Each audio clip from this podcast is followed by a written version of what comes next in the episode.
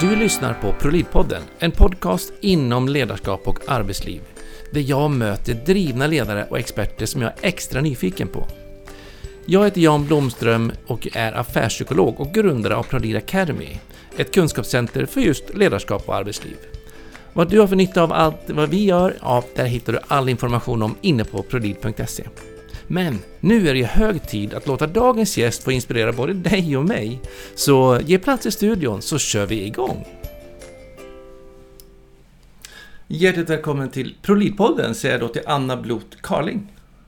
Tack så mycket Jan, så kul att vara här. Ja men verkligen. Och du kommer ju då från Sebrain, uttalar jag det rätt då?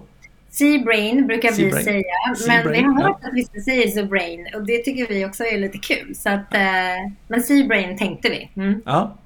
Eh, jag tänker mitt heter ProLead, eh, så typ professionellt ledarskap. Men mm. jag är psykolog i botten och mm. det är så många som skriver ProLead, L-I-D. Ungefär som man ska vara proffs på att lida när man är psykolog. Så det är alltid spännande hur folk tänker sig namn och sådär. Ja, jag vet. Det är Men, roligt. Kan inte du berätta lite kort, vem är det vi får möta här idag? Kan du berätta om dig och firman och vad gör ni och, och vad du... Varför ja, är du där du är nu? Varför är jag där jag är nu? Nej men precis, jag heter eh, som sagt Anna Blot Carling. Jag är VD och en av grundarna till Seabrain. Eh, och jag har en bakgrund inom, eh, från början så är jag PR-konsult.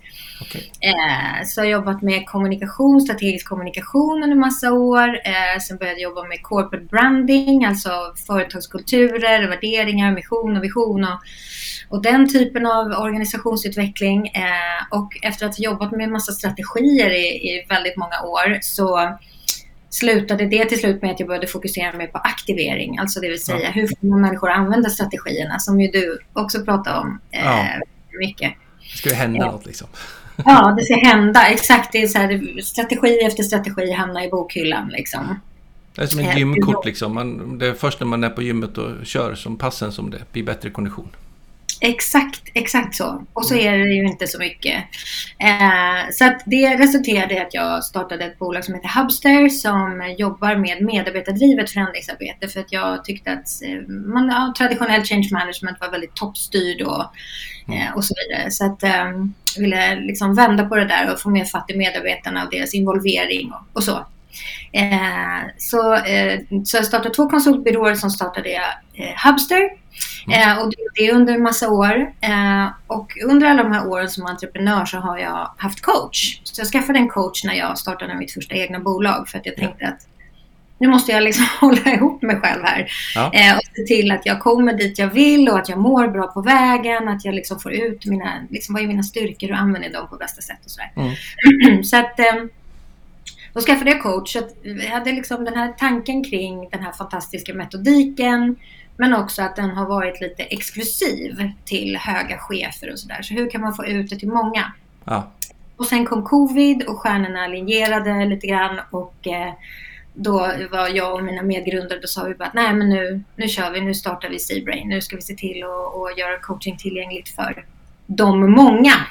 Ja, för massorna liksom. För massorna, fortfarande business to business-massorna. Eh, vi har inte gått mot konsument ännu, men eh, just att, att, göra, att alla på bolaget kan få tillgång till eh, coach och coaching, inte bara de högsta cheferna.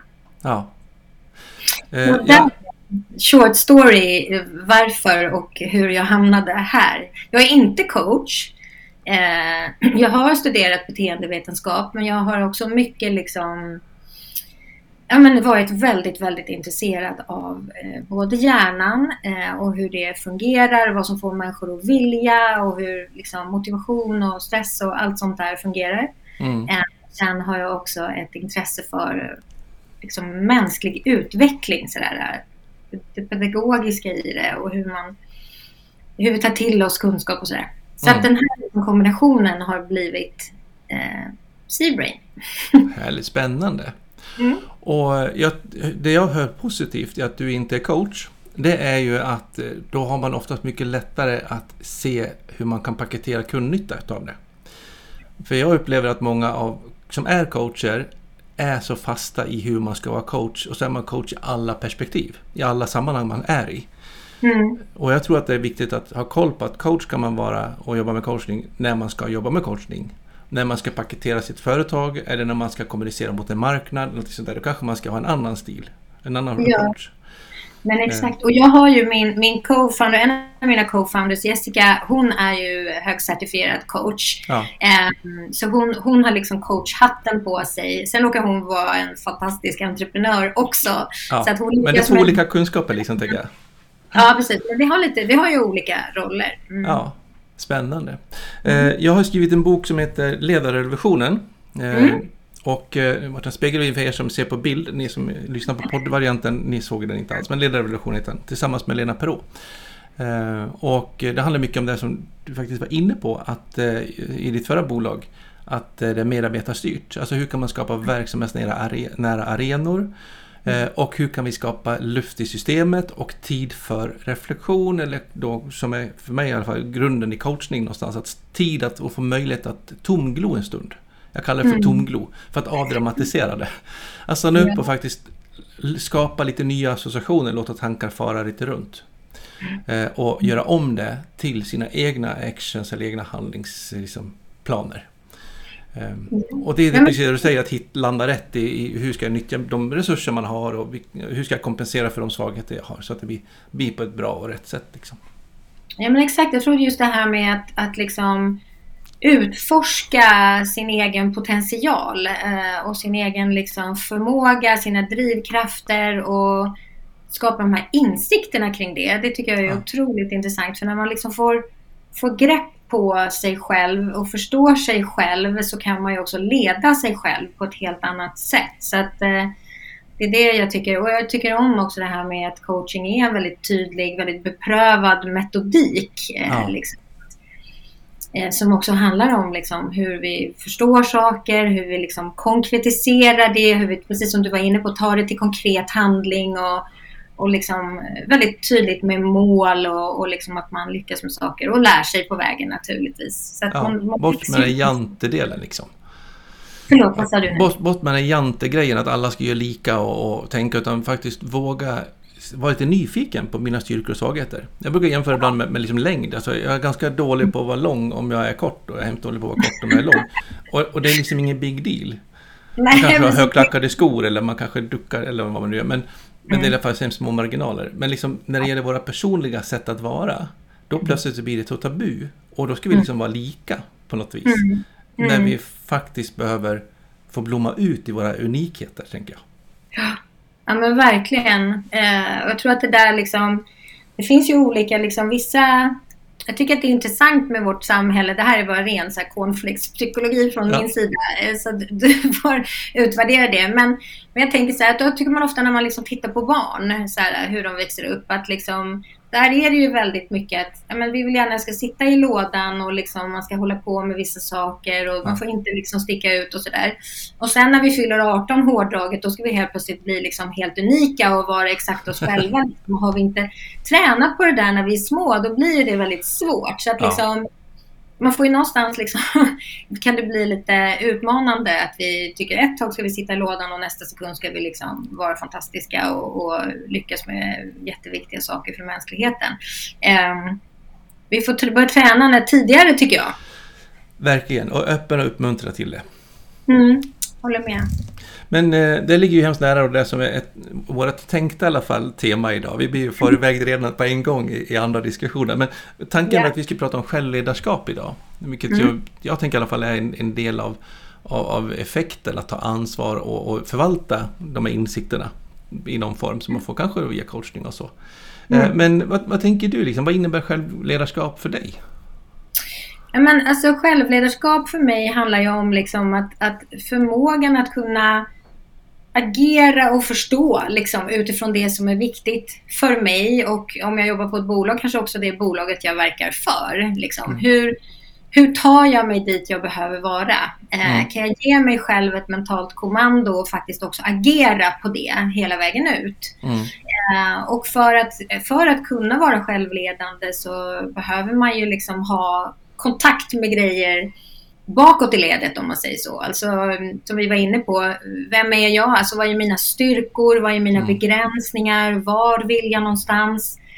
Eh, hitta liksom, eh, säkra hur fyller jag på med liksom bra energi? Alltså håller jag den skadliga stressen borta så att jag eh, orkar använda mina styrkor på flera sätt, på bättre sätt. Liksom. Och, och även så här, hur, hur, vad behöver jag för att känna mig motiverad för att prestera? Eh, och det här liksom taktar ju upp till att kunna bli självledande. Eh, så de här tre liksom sakerna innan tycker jag, självinsikt och och bra energi liksom, och, och även motivationen skapar mm. möjlighet till ett starkt självledarskap. Man behöver alltså läsa instruktionsboken om sig själv. Ja, så kan man säga. Mm. Ja. Exakt, och förstått den. Ja, och förstått den. Inte bara skumma bara läst den. Jag har läst den, jag fattar ingenting. Ja. Nej, men exakt. Att det har landat i mig liksom. Ja. För då har jag ju möjlighet att vara också kreativ med möjligheter. Och det är väl så idag att jag menar, men jag lyssnade på någon annan podd där du pratade om eh, det här med strategigenomförande då som jag har jobbat mycket med tidigare. Att, men förut så var det ju liksom ja, förändring och så liksom change freeze och så förändring och så change freeze. Jag menar nu händer ju allting hela tiden. Det går ju ja. ett enormt högt tempo. Så att liksom, eh, vi kan inte tänka i processer i alla led eh, utan vi måste liksom kunna fatta besluten löpande liksom när vi står inför dem. Eh, och eh, att träna självledarskapet är också ett sätt att säkra att man faktiskt mår bra. För att ja det är ju väldigt lätt att, att annars känna att vi, man blir överväldigad eller liksom det händer väldigt mycket för en som man inte riktigt kan parera. Så det är ju verkligen en investering i sig själv och sina medarbetare för att liksom kunna skapa hälsosamma, hållbara, presterande organisationer och människor. Mm. Ja, för jag tänker också att det är en generationsfråga lite grann kanske i det där. Ehm, typ den med äldre generationen på, på arbetsmarknaden mm. är ju mer kanske då tränade i att göra vad man blir tillsagd. Nu raljerar jag lite väl mycket, jag ber om ursäkt till mm. alla som blir förolämpare. ehm, men alltså, det, det är som den skolan man blev skolad i. Jag tänker bara, om man själv gick i skolan så sa läraren, nu ska vi läsa sidan 38, så läste alla sidan 38 liksom. Som mm. det skulle vara det bästa. Mm. Um, och, och någonstans så kom man ju också ut i en arbetsliv när man var yngre. Uh, så, så var det ju också en chef som bestämde lite mer. Uh, och talade om vad det var som jag skulle göra och var motiverad för och bestämde vilken belöningsstruktur jag skulle ha och så. Mm. Uh, den verkligheten har vi ju inte idag riktigt. Med vad man hade som typ 11, 12, 15 max liksom medarbetare under sig. Men det var ju jättebra man var en grupp teamledare som skulle liksom ha koll på alla sina 12 personer. Mm. Men idag när man sitter och har 50 personer under sig så har man inte den kollen. Utan den mm. kollen måste ju då ligga med lokalt hos individerna och i teamen som organisatoriska enheter som jag tänker i alla fall. Eh, så att man kan ta diskussionen på plats utan att högre ledning är med. Mm. Och det är någonting som oftast hela den yngre generationen på arbetsmarknaden också har blivit drillad i från skolsystemet egentligen med in och ut i olika gruppkonstellationer, göra grupparbeten, bestämma om det är typ som i klassrummen, de har typ en, en röd lapp när det är genomgång när alla ska vara tysta och gul när man liksom ska få gå och hämta penna men inte röra sig så mycket och sen grönt när man får komma och gå som man typ vill. Så att man vet spelreglerna beroende på just den här övningen vi är i. Och det här flyttar vi över sen också i en arbetssituation där man jobbar mycket mer målstyrt det här vill vi få till, men hur har ni tänkt att lösa det kära team? Och så får de hitta den lösningen. Um, och, och, då bygger man lite strukturerna kring det. Men det vi missar är ju kanske då att verkligen lägga lite fokus på självledarskapet. För det kräver ju då den här, en annan approach i hur jag mm. väl har jag koll på mig själv. För det är ju ingen annan som har koll på mig mm. längre. Um. Och det kanske de inte hade förut heller, men då trodde man det. Mm. Eh, men idag ligger liksom det som ett framgångsrecept mycket mer, tycker jag, uttalat. Och ändå så förväntas man lösa det där lite grann som man själv vill. Och det var det jag tyckte verkar så spännande med det, det ni har. Att det faktiskt finns ett tänk där man kanske kan jobba lite mer strukturerat och, och vara lite mer, göra sig mer anställningsbar egentligen i, i förhållande till det. Ja men det är spännande den parallellen det där med det anställningsbara. För att eh, det är ju verkligen så, det är ju olika saker liksom på ett sätt, eller i alla fall har varit kan man säga, kanske olika saker. Eh, att vara självledande och att vara anställningsbar.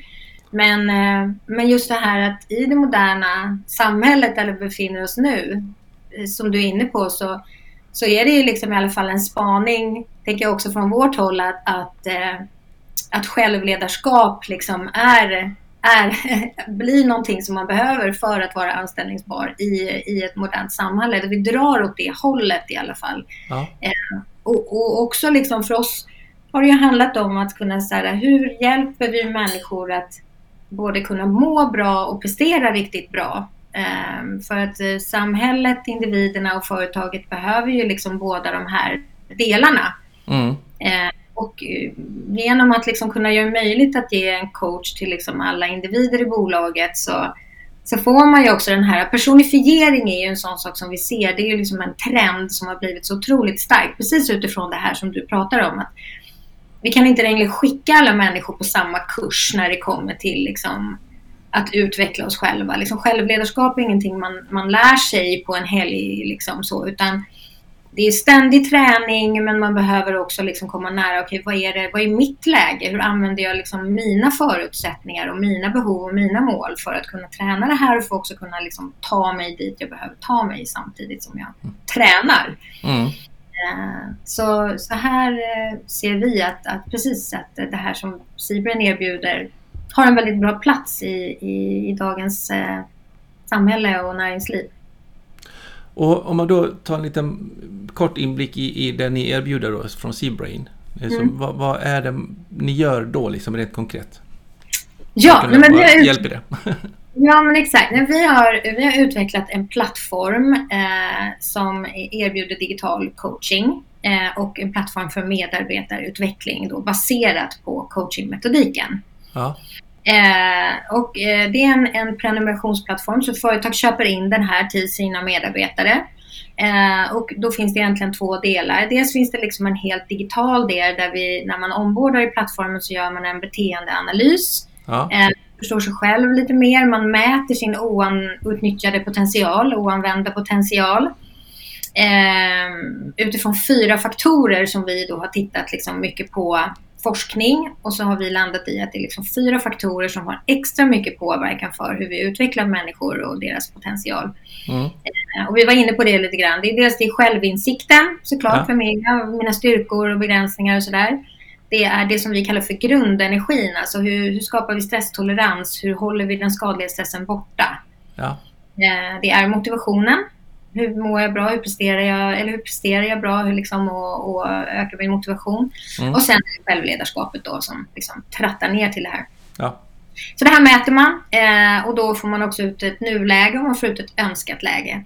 Ja. Eh, sen kan man också då, plattformen har vi byggt in som en coach i tekniken. Så plattformen liksom jobbar med, som chatbot som jobbar med att skjuta coachfrågor på dig baserat på din mätning och hela tiden liksom för att skapa den här insikten och dina egna liksom driv framåt. Man kan skapa planer och så vidare för sig själv. Ja, men det är ingen människa utan det är en AI? Där är det bara helt eh, digitalt. Ja. Eh, men sen har vi också då våra fantastiska högcertifierade coacher eh, som är liksom professionella coacher, lever på att vara coacher, supererfarna och certifierade. Mm. Eh, och då kan man antingen träffa dem via video Eh, och då, eller via chatt. Mm. Eh, så olika sätt liksom, beroende på vad, vad, man vill och var man befinner sig i, i organisationen och sådär. Ja. Eh, och de här videolicenserna de kan också rotera bland medarbetarna och sådär. Och då jobbar man liksom väldigt aktivt med coachen och coachen ser då din data så de kan se liksom din mätning. De, vi matchar också beteende algoritmiskt mellan coach och klient. Så det är inte bara det att jag vill ha en coach som är duktig på stress hantering eller ledarutveckling eller självledarskap utan att eh, coachen gör också beteendeanalys så att vi möter liksom coach och klient utifrån hur de passar beteende profilmässigt med varandra ja. också. Ja. Eh, så att man får en coach som, som funkar hela vägen för mig.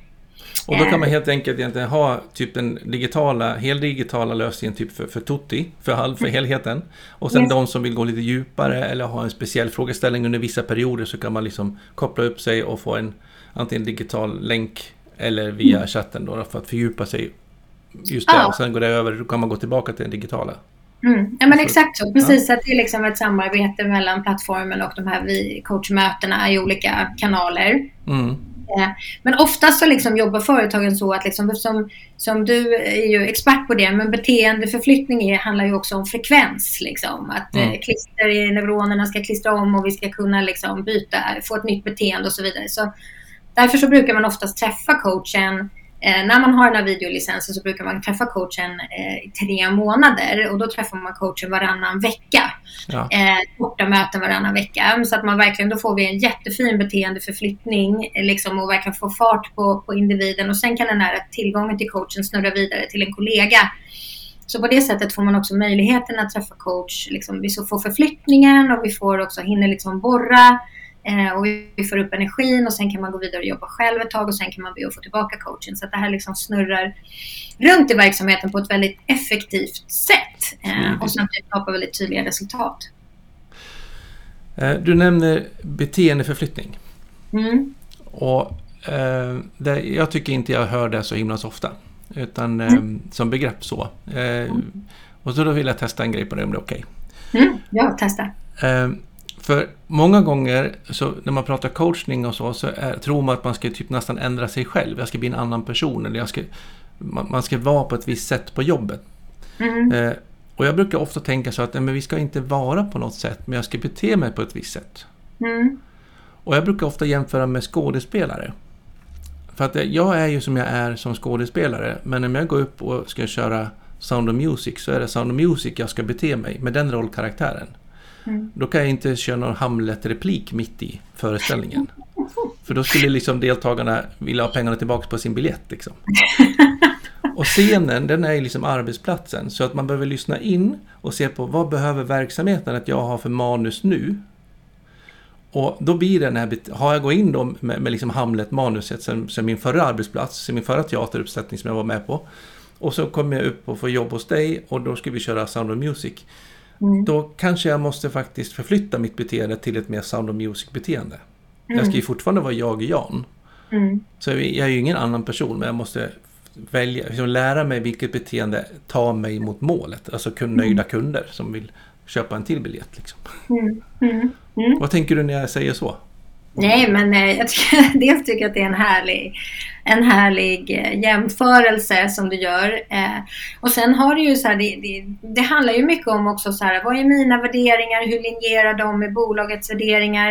Eh, liksom, hur får vi ihop det här? Så det är inte sällan att liksom företag till exempel ger coaching till sina medarbetare och också skickar med liksom in så det här är bolagets värderingar och, och liksom utifrån då när du diskuterar med coaching kring vad som är viktigt för dig. Mm. Hur linjerar vi det här på ett bra sätt så att vi också får liksom en handling som känns autentisk och rätt för individen men som också linjerar mot företagets liksom vision och mål och kultur. Ja såklart. Eh, så att eh, jag håller med dig. Det är ju såklart jätteviktigt att det här hänger ihop. Och samtidigt så är ju liksom våra värderingar är ju så otroligt vi kallar dem ju för mjuka värden men egentligen är det ju det mest hårda Sten. vi har. De rubbar man sig inte ifrån. Nej men det är ju verkligen om man tänker bara titta på hur folk kör bil. Så här, ja, vi har bestämt oss för att det är okej att köra 30 över tycker vissa. Liksom med vissa så här, det, är, det är egentligen det det står på skylten. Ja. Eh, det är ju våra värderingar som säger att det är helt okej att vi byter lagen. Liksom ja. där. Så det är ju stenhårt egentligen. Um, men vi måste ju använda dem liksom på rätt sätt. Och, mm. och framåtlutade bolag jobbar ju naturligtvis jättemycket med sina värderingar. Och har man liksom tänkt helt rätt så har man ju också involverat medarbetarna i värderingsarbetet. Och det ser man ju mycket mer. Då får man ju liksom en tydligare linjering också i vad som faktiskt är autentiskt. Att det inte bara är liksom någon guldspray som vi har dragit på. Ja. Och jag blir så glad de få gånger som jag hör att man får inka bli inkallad som medarbetare få en varning för att man inte följer bolagets värderingar. Mm. De tycker jag är coolt för då vågar man också sätta lite krav i förhållande till dem så att det inte blir det guldplateringen bara utan den faktiskt mm. bottnar. Att har vi sagt det, har vi sagt 190 km i timmen då är det 90 och inte 120 liksom. Mm. Mm. Nej men absolut. Men kanske också då liksom så här hur vad behöver jag göra för att kunna linjera med de här värderingarna? Att man också får rätt verktyg och rätt stöd i att mm. liksom förstå det. Eh, och ibland så är det så att det helt enkelt inte passar och då är det ju bättre för alla att man är på, lägger sin talang på en annan arbetsplats. Ja. ja.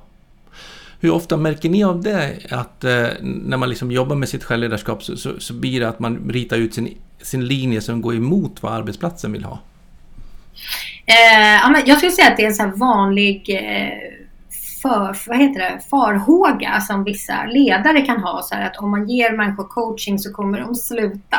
Men, eh, men så är det ju inte alls. Alltså I de allra flesta fall så är det ju inte så utan snarare att individen får en möjlighet att faktiskt få ut mer av sig själv och investera sin talang i arbetsplatsen men samtidigt mår man bra och liksom känner att man utvecklas och sådär. Mm. Men sen kan det ju hända från gång till annan att det liksom att man helt enkelt kommer fram till att men, jag är på fel plats. Mm. Eh, och då är det ju naturligtvis mycket bättre för både företaget och individen att, eh, att man skiljs åt som liksom vänner och med liksom ett fint, eh, en fin eh, liksom representant för ett varumärke även när man lämnar bolaget och tycker att företaget har skött det här snyggt eh, och att vi skiljs som, som vänner och att tala gott om varandra i nästa mm. steg. Det brukar liksom bara bli bra, tycker jag. I de få fall det händer. Ja, eh, jag, jag, brukar tänka, jag, brukar, jag har skrivit om det också i, i en ledarrevolutionen om det här med, med, jag kallar det för ett samtid. Att mm. eh, idag tycker jag man ser ganska tydligt att var och en har sin egna livsmission. Alltså man, man strävar efter någonting i livet som man vill uppnå, mm. som är viktigt för mig. Mm. Och eh, om jag då vill jobba på C-Brain så, så lär jag fundera på, kommer jag närmare mitt livsmål om jag jobbar hos er? Mm. Alltså förverkliga mig själv, jag kan bidra till en bättre värld, jag kan jag, skapa mer självreflektion hos folk på arbetsplatser. Ja, men mm. det tycker jag är viktigt och då tror jag att jag kommer få bidra med det om jag jobbar hos er. Eh, och så länge som eh, jag tror att jag vinner på det så vill jag vara kvar. Så länge ni tror på att jag kan bidra till er vinst så får jag vara kvar i någon form. Eh, mm. inga allvarssamtal, liksom att Jan du borde vara någon annanstans. Så då blir det win-win och då är man tillsammans. Mm. Men om man då sitter där och är 95 år gammal på hemmet sen så är det ganska kort tid för de allra flesta av oss som vi råkar vara på samma arbetsplats du och jag. Mm. Och det är det som är då samtid. Så oftast när vi mm. då är på jobbet så är vi liksom, vi kan gå igång och diskussioner på våra ledningsmöten eller på diskussioner i personalmöten där det, liksom, det är skandal och så går man liksom all in i diskussioner och i konflikter och vad man nu är. Mm. Men vi behöver liksom lyssna av när man får in en medarbetare. Så att, vad är du på väg någonstans i ditt liv? Och hur mm. kan vi matcha så att det blir win-win? Mm. Under de få åren som du är här. Och mm. lyckas man vara lyhörd på det, då blir det oftast de åren lite längre. Men ändå så är det en hemskt kort tid som vi är här samtidigt, du och jag. Och det skapar en, en mer prestigelöst förhållningssätt till hur man ser på det och att inte det blir ett krig på liv och död. Utan vi är här just nu. Och då är det mm. ganska avdramatiserat att jag kommer fram till att jag ska vara någon annanstans eller du säger att nu går vi in i en annan fas att Jan, vi skulle, mm. du får komma tillbaka om tio år när vi har kommit till en annan plats. Eller matchar mm. behoven igen. Ett sätt att prata kring effekterna av våra insikter, tänker jag. Ja, nej men absolut. Och jag tror att det här med syfte är ju naturligtvis jätteviktigt. För det är ju så en otroligt liksom, viktig tända-faktor för motivation. Mm. Eh, givetvis att vi liksom eh, har släckarfaktorer i schack. Eh, men, men också så här, man ser med, med yngre människor så är det ju också liksom generation Z till exempel, där är syfte gått förbi lön i vad som är ja. viktigt när man tittar på en arbetsplats. Ja. Det är också, men också frågan om, tänker jag, där liksom lite grann så här att det är inte så att alla 18-åringar vill rädda världen nödvändigtvis, liksom, men man vill i alla fall inte alliera sig med en arbetsgivare som inte vill göra gott. Nej. Så liksom den här hållbarheten är liksom, blir ju vanligare och vanligare i syfte, tänker jag. Ja. Eh, men också så här naturligtvis, precis som du pratade om, om man tittar i vår plattform när, när medarbetare och ledare kommer in och, och ska få coaching eh, så kan man ju välja massor med olika områden. Så här, vad är det jag vill? Liksom, vilka områden vill jag utforska? Är det liksom mental träning, stresshantering, ledarutveckling, självledarskap? Mm. Det finns massa. Eh, och, och där är det ibland så liksom att bolaget har bestämt, till exempel om det är ett ledarprogram, så att ja, vi ska träna ledarutveckling, då kanske den är iklickad. Men sen får ju individen också själv naturligtvis addera på det som är liksom viktigt och nära och autentiskt för, för hen. För mm. att, precis som du säger, liksom, för min utveckling och mina behov framåt och vart jag vill i livet.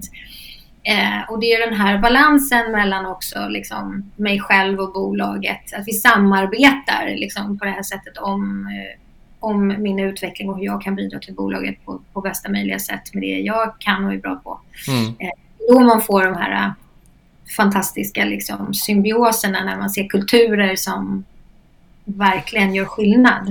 Men jag tänker när jag skriver mina svar och sådär så då, då, tänker jag att det är ingen annan som ser det förutom då coachen kanske som mm. jag Ja, nej precis. Det är anonymt eh, delas ja. bara med coachen. Ja. Hur, hur kan man liksom få hjälp att ha dialogen med sin chef om man då är medarbetare? Mm. Eller ja, som men... chef då, hur kan man få en dialog? Hur kan man liksom få hjälp av ert system till att ha, föra dialogen tillsammans? Kan man göra mm. det liksom på ett enkelt sätt i systemet mm. eller mm. hur uppmuntrar ni det? Precis, man för ju inte dialogen i systemet utan i plattformen är ju liksom plattformen för mig och min utveckling. Så. Ja. Men det finns två olika sätt. Dels så, så vi mäter ju liksom 53 olika punkter under de här fyra faktorerna som jag pratade om. Ja. Självinsikt och motivation och självledarskap. Eh, och där finns det ju till exempel också frågor som har att göra med samarbete. Så, så säg till exempel att jag känner att jag har ett gap mellan mitt nuläge och mitt önskade läge i relationen till min närmsta chef till mm. exempel. Mm. Ja. Dels så fångar plattformen upp det här och kommer ge dig ett antal insiktsdrivande liksom, frågor, coachfrågor, liksom, eller övningar kan vi kalla det också om man vill. Ja. Där det liksom handlar om så här, men vad är det du vill förstärka? Liksom, och vad är det som funkar? Vad är det som inte funkar? Och vad kan du göra för att göra den här skillnaden? Mm. Eh, och sen kan man naturligtvis också stämma av det här och bolla i liksom, det med sin coach. Eh, både via chatt eller via video beroende på. Ja. Eh, men att det också handlar om så här, okay, hur kan jag göra? Vad kan jag göra för att se till att stärka upp den här relationen? För det handlar ju också om att känna att man inte dels sitter i baksätet i sitt eget liv. Om det är någonting som skaver för mig i relationen till min chef, då vill jag ju hitta liksom möjligheten att faktiskt också kunna påverka själv. Och hur kan mm. jag göra det? på Vad behöver jag göra då för att vi ska komma närmare varandra eller få en starkare relation? Mm att det här är ju sånt som man liksom tränar på i plattformen och också med, med sin coach naturligtvis i att hitta de här insikterna för hur du själv kan ta dig framåt så att du inte bara sitter och väntar på att chefen ska göra jobbet eller att Nej. chefen ska reda ut det. För det, det mår vi ju inte bra av heller. Nej. Då sitter chefen ska bli tankeläsare liksom och läsa ut att Anne Blomström, han verkar inte riktigt nöjd just nu. han har inte diskrepans. Nej, precis. Och bland alla andra 50 personer som man då ska leda över världen i crossfunktionella team Liksom, och så sitter någon och mår dåligt över det här men känner sig också låst för att de sitter och väntar mm. på att någon annan ska ta liksom, flaggan och börja ta tag i det. Jag brukar ofta försöka att prata i termer att man behöver beställa sitt ledarskap. För jag har ju suttit mm. på en intervju en gång i tiden och sagt anställ mig, jag är bäst av alla sökande till att bidra till utveckling på den arbetsplatsen. Mm. Eh, och någonstans har jag sagt det så pass bra så att jag fått jobbet och nu är jag mm. där och så märker jag att mm. shit, alltså jag har en viss skillnad mellan mitt önsk nuläge och önskade läge. Eh, så här skulle jag behöva få en lite mer peppning från min chef eller jag behöver bli ifrågasatt lite mer av min chef, jag behöver lite tydligare sparring. Eller någonting sånt där. Då lär jag liksom kunna gå in och säga det. Kära chef, jag behöver mm. mer av det här och mindre av det här för att jag ska kunna leva upp till det jag lovade på min intervju. Mm. Och då tänker jag, då får man en otroligt bra inblick och man får stöd av sin coach och, ja. och sina frågor och så blir jag klar och sen tar den också diskussionen med sin chef då. Mm. Nej, men exakt så att det går från ord till handling verkligen. Mm. Eh, det är ju så här, coaching handlar ju mycket om att göra, liksom, identifiera det vi behöver och att också agera på det. Ja. Eh, så att, det eh, behöver inte vara krångligare. Nej, det behöver inte vara krångligare. Men det kan ju vara nog så svårt. Liksom, för det är ju många människor är konflikträdda. Och, ja. och liksom så här, det, det, är därför tror jag liksom man ser till exempel att kommunikationsförmåga ökar så fint liksom, när man jobbar med coaching också. För att du helt plötsligt börjar sätta, liksom, du börjar sålla. Så här, ja. Vad är det egentligen som skaver? Vad är det jag behöver ta tag i för att liksom, komma härifrån. Men då, om man har gillat system då ska man göra en printscreen lite grann på just den där typ skillnaden mellan önskade läget och nuläget och så kan man ta med den och visa för chefen. Titta så här visar mitt coachsystem. Ja, eller så bara loggar man in. Alltså den finns ju, man kan ju accessa det här liksom var som helst, mobilen eller Ja, och visa chefen liksom och diskutera. Ja, ja, ja precis. Ja. Om man känner, och det har ju med liksom psykologisk trygghet att göra naturligtvis. Ja. Liksom är jag, är vi, har vi den relationen att jag kan dela det här med dig, annars kanske jag liksom får föra fram det på ett annat sätt utan att liksom dela alla mina insikter. Men vi gör ju också så att vi all klientens data är ju anonym, delas mm. bara med coachen och syns bara för dig och din coach. Ja. Eh, och coachen har ju tystnadsplikt och så vidare. Eh, men, eh, men sen sourcar vi upp anonymiserad data på gruppnivå där vi filtrerar inte på, vi filtrerar inte på liksom roll eller kön eller eh, liksom så. så. Men vi kan liksom lyfta upp på en gruppnivå och där kan man ju som ledare också väldigt tydligt se liksom, inom en viss grupp förutsatt att den har en, en viss storlek då för att folk ska kunna känna sig anonyma eller organisation eller avdelning och så vidare. det här är liksom våra superkrafter, här mm. behöver vi liksom träna, det här kan vara värt att diska upp. Då får man också eh, väldigt mycket bra underlag för spännande liksom, ämnen att utforska som team och, och liksom kunna titta på det här och följa sin egen organisationens utveckling. För man kan mäta effekterna i realtid, så det är mm. spännande. Och där kan man ju också, tänker jag, logga in och ta diskussionen enskilt. Dels hur vi som team får för resultat.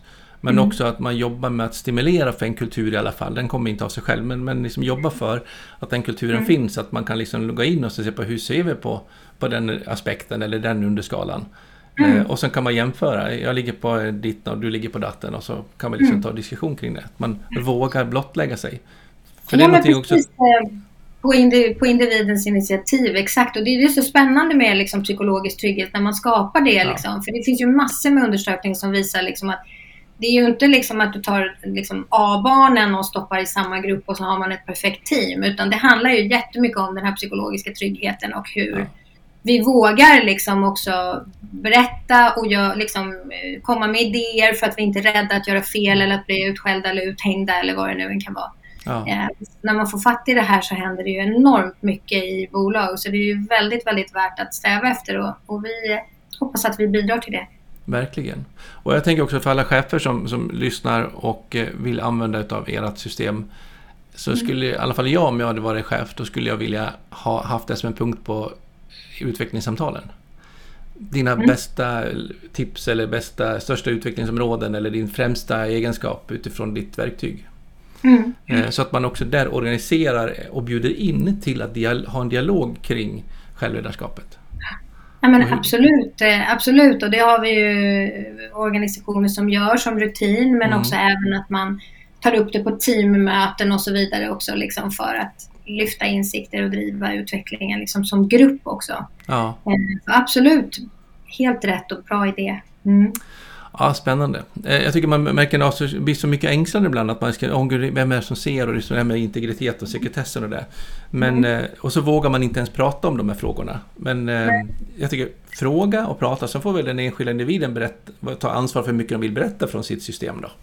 Mm. Mm. Och är det någonting de ljuger om så får de till och med göra så då, men det kanske fyller en funktion det också just då. Ja, precis. Just det, men insikterna är ju liksom eh, det viktiga. Och att dela liksom, vilka insikter vill vi dela, vilka kan vi dela, vilka uppmuntrar vi? För att jag tycker också det är eh, det vi kan se det här med, med, att man vill ha självledande individer i en organisation. Eh, men, men också så här, men folk måste vilja och det är så svårt liksom för att hur får vi folk att vilja? Och nej, de vill inte och sådär. Men, mm. men så är ju så, jag menar, om, våra hjärnor, liksom, vi, det är ju inte så att vi vaknar på morgonen människor och säger så här, idag ska jag vilja förändras lite grann. Alltså, mm. Det är inte så vi är riggade. Vi, vi, tycker ju inte om det vi inte känner igen. Alltså det är ju liksom en, en eh, otydlighet är liksom det veckas, värsta släckarfaktorn för vår motivation. Så att det är så här, när det är otydligt och det händer ju massa saker i samhället nu som är otydliga för oss. Mm. Lågkonjunkturer och, och räntor och krig, krig och, allt. Ja. och hybridkontor och allt möjligt som liksom gör att det är så lite otydligt. Så att det stämmer ju mycket liksom att för att få ut den här inre liksom drivet ur människor så ja, man måste tappa in på den inre motivationen och här är till exempel coaching extremt kraftfullt. Mm. Det handlar ju också om att som, som ledare, för att leda självledare, så måste man ju eh, hitta, alltså vara tydlig liksom, med att det är det här som gäller, det här är våra spelregler, vi ska åt det här hållet, det här är liksom sättet vi gör det på. Mm. Och sen får du röra dig och koppla på ditt självstyre liksom inom det här ramverket. Eh, men att det är väldigt tydligt liksom vilken riktning vi sätter. Mm. Då får man också utrymme för trygghet, kreativitet, motivation att vilja. Så tydlighet, liksom, om man säger 3,2 på en femgradig skala, är ungefär ganska lagom. Mm skapar vi tillräckligt mycket tydlighet för att kunna frigöra motivation. Mm. Men att, att, bara liksom förvänta sig att människor liksom sådär, ska bara vilja förändras eh, lite spontant. Åt något håll. Nej, men det händer liksom inte på det sättet. Eh, så att är man ledare och vill ha självledarskap så måste man vara tydlig. Tydlighet och struktur mm. föder motivation. Så är det. För jag tänker, har man då 50 medarbetare som inte har någon typ av självledarskap, ja men då får jag ju liksom dra dem, piska dem, släpa dem eller vad man nu vill göra för någonting som ledare. Eh, och då behöver jag inte vara särskilt tydlig för det räcker att jag vet vad jag ska. Mm. Och så släpar man med dem. Typ. Mm. Nu raljerar jag lite grann, sorry. Men, Mm. men har man då 50 som är massa sp eget spring i benen i sitt e- självledarskap. Ja men då måste jag ju faktiskt, samtidigt som jag ger dem utrymme att få, få luften i egna vingar, så måste jag samtidigt vara jättetydlig med ra- ramarna och gränserna och vart vi ska. Precis som Mm. du säger. Och det där tycker jag också man kan ibland höra att det, är liksom, man vågar inte för nu har jag gett dem frihet så då får de väl göra vad de vill. Mm. Nej, frihet under ansvar är liksom jätteviktigt. Och jag har en metafor jag brukar i alla fall använda mig av. Jag kan testa den på dig. Se. Ehm, och det är Mm. liksom, jag kallar den för vägen. Och då behöver man ju någonstans ha en idé på vad vi vill, alltså målet. Alltså liksom något önskvärt framtida tillstånd. Som organisation, Mm. som team, som whatever vad det kan vara. Eh, och sen har vi ju en tro på att något typ av beteende tar oss dit. Och det kan ju liksom vara den stora sommarfesten som det har vid stranden, liksom, lägerelden och, och sådär. Det är det önskvärda framtida tillståndet. Och följ cykelvägen söderut så kommer du komma fram. Det går ju som inte att åka fel. Mm. Men om man då... Då lär man ju börja vara tydlig. Och tydligt ledarskap handlar ju om att jag är tydlig med att vad jag förväntar mig. Alltså Mm. ramar, policies, arbetsbeskrivningar, kulturer, vär- värdegrunder och vad man nu vill definiera det som. Då har du ju som definierat vägen. Men det stannar, räcker ju inte riktigt där. För att om man då har några som, de flesta vill ju då följa den cykelvägen ner för att komma på festen. Men så har vi ju några som har jobbat där länge och vet att ja, jag vill övervintra den chefen. Eh, Eller någonting annat. Så de åker lite och slingrar sig. De är ute och, och åker slalom på den där cykelvägen. Mm. Eh, ut i diket och ut i skogen och, och allt vad det nu kan vara. Eh, för att där tycker de är bättre och smartare att vara. Men det är inte riktigt det vi tror på. För det beteendet tar oss inte mot, vårt slut, mot slutmålet. Mm. Vi, kom, vi kommer liksom inte riktigt fram lika bra, tror vi, till våran sommarfest om vi åker norrut. Och då behöver man också våga definiera som ledare och skapa en kultur där det är okej att prata om vad är önskvärt beteende, alltså vägen, och vad är icke önskvärt beteende, alltså dikeskörning. Alltså vilka dikeskörningar har vi hos oss? Vilka Mm. beteenden, att vi ska, vi ska börja mötet klockan åtta och så kommer man nio. Mm. Är det ett beteende som är okej eller är det en dikeskörning? Att komma för Mm. sent till möten är kanske inte önskvärt för det tar vi oss inte fram till målet för vi tappar information eller vad det nu kan vara. Ehm, Så att då, då kan vägen vara en bra grej att börjar du få ett viktigt spring i benen hos dem så måste man våga tala om vart vi ska, vad vi vill och vad vi framförallt också inte vill. Och det är lika naturligt att prata om både vad vi vill och inte vill. Mm. Och då är det lite grann som om man ser på en vanlig guldpeng, en 10 krona. Den är ganska värdelös om du bara har prägling på ena sidan. Du måste ju ha både fram och baksidan på den för att den ska vara ens giltig. Och vi har ibland en tendens att vara för rädda att prata om vad vi inte vill ha på en arbetsplats. I beteenden. Och det tror jag att man behöver jättemycket vinna på, ni som lyssnar. Att våga både prata om vad vi vill och vad vi inte vill. Så att Mm. vi skapar en fond där det här självledarskapet kan få briljera inom. Så tänker jag. Vad tänker du när jag berättar så? Nej men, eh, nej men jag tycker att det är absolut rätt. Liksom. Vad är det för spelregler som gäller på den här arbetsplatsen? Jag tror ju också inom coaching jobbar man ju mycket med feed forward. Mm. Alltså så här, eh, vad, vad är det som funkar bra och hur kan vi göra mer av det? Det är också ett sätt att, att liksom, hur ska man säga, lägga mindre kraft på det som begränsar oss Mm. och istället liksom odla eh, kulturen av, av styrkor och drivkrafter. Ja. Eh, för att säga, men okej, vad funkade vi gjorde? Hur gjorde du sist när det blev riktigt bra? Ja. Kan du göra så igen? Kan du, hur kan du anpassa det till den här situationen? Vad kan du göra mer av? Och så vidare. Så hela det här forward, eller feed forward Ja. delarna i, i både coaching och i ledarskapet tycker jag har visat sig vara väldigt också kraftfulla för att, att eh, liksom skapa mindre plats för, för dikeskörningar om man Ja. säger så. Ja, Och fokus, huvudfokus borde inte, det tycker inte jag heller att det ska ligga på dikena, utan det ska ligga på det framåt. Så det håller jag med, men att man har med det andra också. Ja, Ja, men absolut. jättespännande. absolut. Och inte minst i det hybrida kontoret så ser man ju jätteviktigt med Ja. de här tydliga spelreglerna liksom för att kunna skapa förutsägbarhet. Så Mm. här, vad är det som gäller? När är vi på kontoret? Liksom, vilka dagar kommer jag vara där? Att det finns liksom en framförhållning i det. Ja. Eh, och att man är tydlig med vad förväntar vi oss som, som liksom arbetsgivare och när, liksom, hur är det när vi jobbar hemma hur är det när vi jobbar när vi är på plats. Och Även för kollegor så kan man märka. Vi är ett företag, vi är födda i covid så vi är ju födda i hybrid. Ja. Eh, vi har alltid haft det. Liksom. Eh, men så ombordar vi nya människor och växer ganska snabbt och då är det så här att då behöver vi veta liksom, när är liksom Kalle och Karin och Omid på kontoret liksom, mm. för att de nya personerna vet när kan vi träffas? Ja. Eh, när får jag fatt i dig och när kan vi mötas? Som ett, liksom, ett komplement till naturligtvis de dagarna när vi jobbar hemma och träffas digitalt. Och då skapar man ju strukturer utifrån vad verksamheten behöver. Och mm. ganska långt ifrån det här som har varit lite nu efter coviden, att när skulle du vilja komma in och jobba? Mm. Inte bara när det passar ungarnas träningar, utan det kanske mm. också är när det faktiskt passar verksamheten. När vi ska mm. mötas och diskutera andra typer av frågor som man kanske inte kan göra digitalt. Mm. Nej men precis, och sen kan man ju naturligtvis bör vara väldigt involverad i liksom, jag menar, du behöver vara på kontoret så här många dagar i veckan. Liksom, hur ser det ut för resten i ditt team? Vilka dagar möts ni? När passar er? Hur kan vi lösa det här tillsammans som lag? Ja. För att få till detta. Liksom. Ja. Men, men, spelreglerna blir absolut tyd, liksom, jätteviktiga. Och igen, så här, där är ju inte frågan om att alla ska få bestämma allting hela tiden. Det är ju inte det vi mår bra av. Nej. Men vi behöver veta liksom, när ska jag påverka och använda mitt självstyre? Eh, och mitt självledarskap och, när, liksom, och vilka, vad är det jag behöver förhålla mig till för att kunna bidra eh, till vårt gemensamma syfte till exempel. Ja, och när ska jag när är det en icke-fråga för mig att använda det? Självledningen mm. liksom. Mm. När ska jag bara göra vad jag blir tillsagd? Mm. ja, jättespännande. Så mycket roligt ni bidrar med på arbetsplatserna. Eh, och jätteintressant att få ta del av dina erfarenheter kring det. Spännande verktyg som ni verkar jobba ut, utvecklat. Och eh, om man vill samarbeta med Seabrain, hur får man tag på er? Eh, då kan man mejla mig på anna.seabrain.se Z-E-B-R-A-I-N som en blandning mellan zebra och hjärna brukar vi säga för det är där namnet kommer ifrån. Så seabrain.se Suveränt. Ja.